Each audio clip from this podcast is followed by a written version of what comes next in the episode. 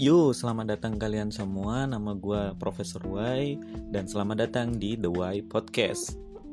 The Y Podcast sendiri merupakan sebuah podcast yang membahas tentang berbagai hal menarik dan tentunya akan menambah wawasan kalian. Kalian siap kan mendengarkan sesuatu yang hebat pada hari ini? Oke, bagi yang siap, sekarang kita akan mulai podcastnya.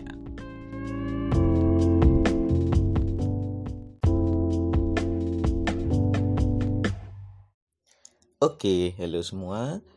Uh, untuk episode kali ini kita akan membahas tentang manajemen waktu.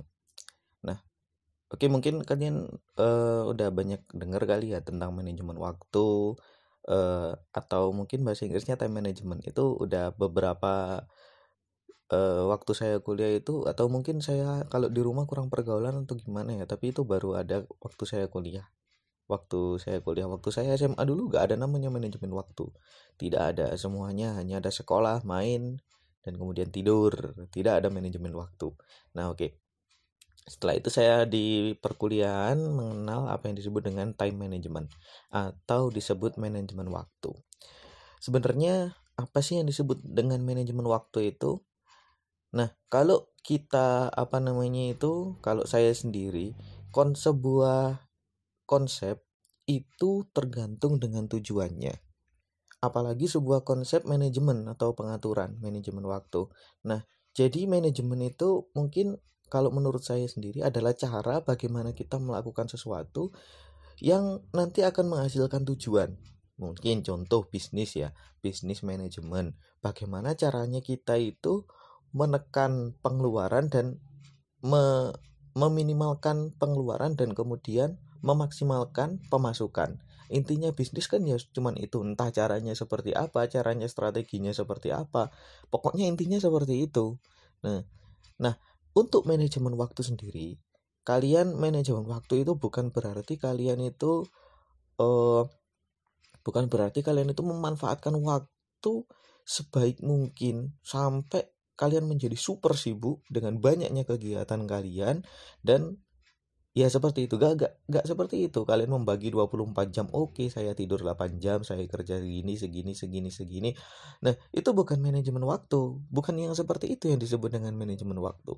Kalau kita membicarakan masalah manajemen bisnis, nah seperti itu tadi kita menekan pengeluaran dan kemudian memaksimalkan pemasukan.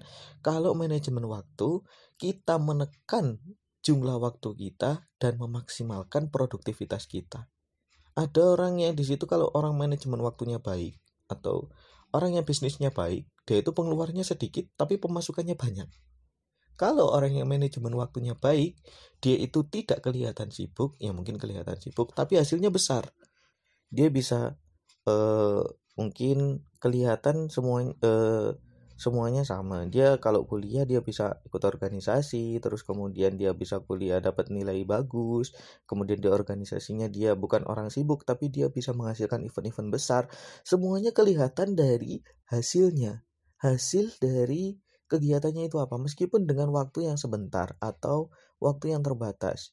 Mungkin A sama B A sama B. A ini manajemen waktunya bagus, yang B ini ya kurang bagus. Artinya dengan waktu yang sama, mungkin sama-sama 4 tahun, si A ini menghasilkan lebih banyak daripada yang B. Nah, itu merupakan manajemen waktu. Atau mungkin A ini malah lebih cepat. Malah itu lebih bagus lagi. Manajemen waktu itu seperti itu. Bagaimana caranya kita me menekan uh, waktu kita, maksudnya menekan itu kita membutuhkan waktu yang sedikit untuk menghasilkan hasil yang lebih yang lebih besar. Nah, itu yang disebut dengan manajemen waktu. Bagaimana memanfaatkan waktu secara efektif. Nah, terus bagaimana sih kira-kira cara memanfaatkan waktu secara efektif itu? Nah, oke. Okay. Di sini saya akan mengutip beberapa kebiasaan uh, dari bukunya Stephen Covey tentang tujuh kebiasaan orang-orang yang sangat efektif. Nah, dari kebiasaan-kebiasaan itu oke okay, banyak. Uh, nanti kalian bisa baca bukunya ya. Nah, uh, kalau yang uh, itu ada di kebiasaan tiga. Jadi kebiasaan satu dua tiga itu yang manajemen diri dan kebiasaan tiga itu first thing first atau uh, barang yang pertama itu dilakukan pertama, barang yang utama, yang penting itu dilakukan yang awal. Nah, itu merupakan sebuah kebiasaan orang yang efektif. Jadi untuk manajemen waktu kita gak harus melakukan semua hal. Maksudnya semua hal itu gimana? Jadi 24 jam itu kita lakukan untuk memuaskan hasrat kita. Jam 7 sampai segini itu sekolah, jam ini kuliah, kemudian main, kemudian nongkrong di kafe, kemudian kita ambil project, kemudian dan sebagainya. Itu manajemen waktu itu ya nggak nggak nggak seperti itu. Itu bukan first thing first.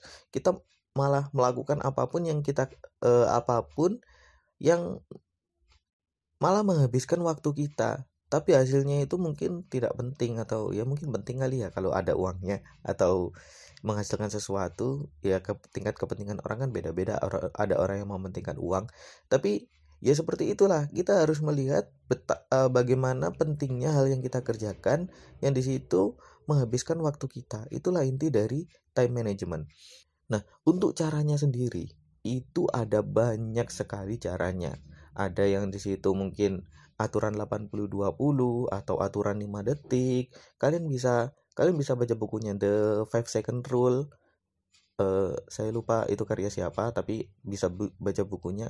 Terus kemudian 80-20 dan terus kemudian ya ada banyak lah ada juga yang Seven Habit itu itu juga merupakan sebuah buku yang untuk time management yang yang bagus sekali saya sekarang menerapkan yang seperti itu ada juga buku tentang flow dan dan lain sebagainya banyak lah kalian bisa bisa mencarinya tapi yang mungkin dari, saya rekomendasinya yaitu Seven Habit tujuh kebiasaan orang kemudian flow flow sama the sec, five second rule 5 aturan 5 detik. Ya tiga buku itu coba kalian baca dulu. Nah, seperti itu. Jadi kalau dari tiga buku itu kita ringkas, ya mungkin saya ringkas ya. Uh, ini aturan yang paling dominan, bukan paling dominan sih dari tiga buku itu adalah kita harus fokus pada apa yang penting terlebih dahulu, bukan apa yang tidak penting. Nah, bagaimana cara kita menentukan sesuatu yang penting? Yaitu tergantung pikiran kalian masing-masing sih, tergantung perspektif, perspektif kalian masing-masing dan tergantung pada tujuan kalian masing-masing. Oh iya, dan juga ada buku juga mendaki tangga yang salah. Itu bukunya Erik Erik lupa namanya Erik. Nah, itu mendaki tangga yang salah itu juga bagus juga untuk sedikit visi atau ya untuk menentukan tujuan itu tadi. Jadi sebelum kita mengatur atau menjadi seorang time manager yang baik, pertama kita harus tahu dulu mana yang penting. Apa yang penting bagi hidup kita. Contohnya, untuk orang-orang anak-anak kuliahan, mungkin yang penting ya ya IPK mereka, apalagi anak-anak yang di situ mendapatkan beasiswa ya, mendapatkan beasiswa. Yang ketika IPK-nya turun, beasiswanya dicabut. Nah, itu kan penting penting sekali IPK itu kalau karena kalau enggak kita terancam tidak kuliah nah itu yang penting jadi itulah yang akan menjadi fokus kita untuk kita perbaiki dengan time management kita. Mungkin bagi para pebisnis yang di situ bergerak di bidang hmm, di bidang makanan ya mungkin yang penting adalah survei makanan kali ya yang penting ya. Ya itu tergantung pada tujuan kita. Dan juga tujuan seseorang itu nggak nggak bisa kita lecehkan begitu aja.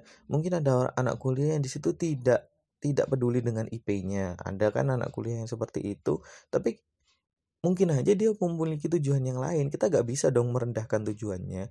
Yang penting di sini adalah tujuan kita bukan tujuan mereka. Satu fokus kepada yang penting. Nah kemudian setelah kita mengetahui apa yang penting bagi kita kita harus mengasahnya. Kenapa kok kita harus mengasahnya? Karena aturan dari time management bukan aturan. Tujuan dari time management adalah bagaimana cara kita untuk menekan waktu tapi menghasilkan yang banyak. Nah, dengan kita latihan, mungkin contoh yang bagi saya penting adalah skill tentang perkomputeran. Nah, itu merupakan sebuah skill yang penting.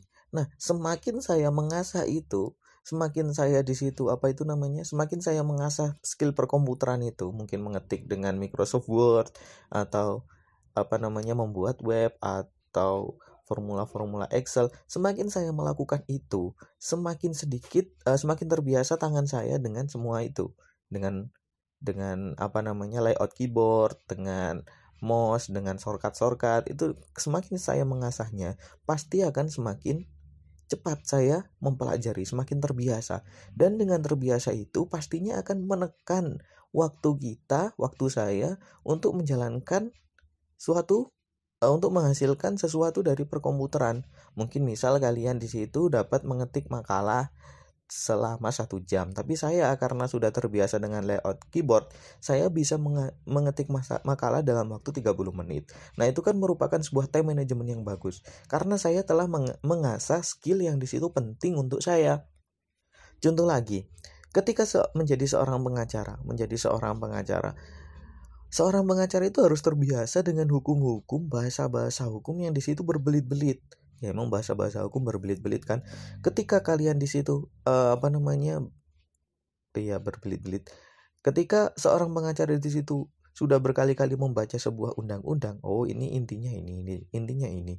Ketika dia me memba uh, apa namanya melakukan studi kasus atau bukan studi kasus ketika dia di hire terus kemudian menangani suatu masalah dia itu bisa langsung oh iya ini undang-undangnya di sini di sini di sini tidak perlu dia mencari referensi lain kenapa ya karena dia sudah terbiasa untuk membaca undang-undang dan membuat referensi-referensi sedikit kecil-kecil. Oh, yang paling sering kasusnya itu ini, undang-undangnya di sini. Kita bisa gunakan ini ini ini untuk mengcounternya dan sebagainya.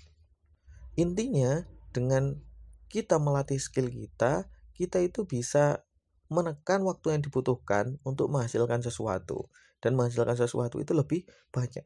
Semakin kita mengasah skill kita, semakin kita apa mempraktekkan skill kita, pasti produktivitas kita akan tinggi dan juga time management kita pasti juga akan bagus.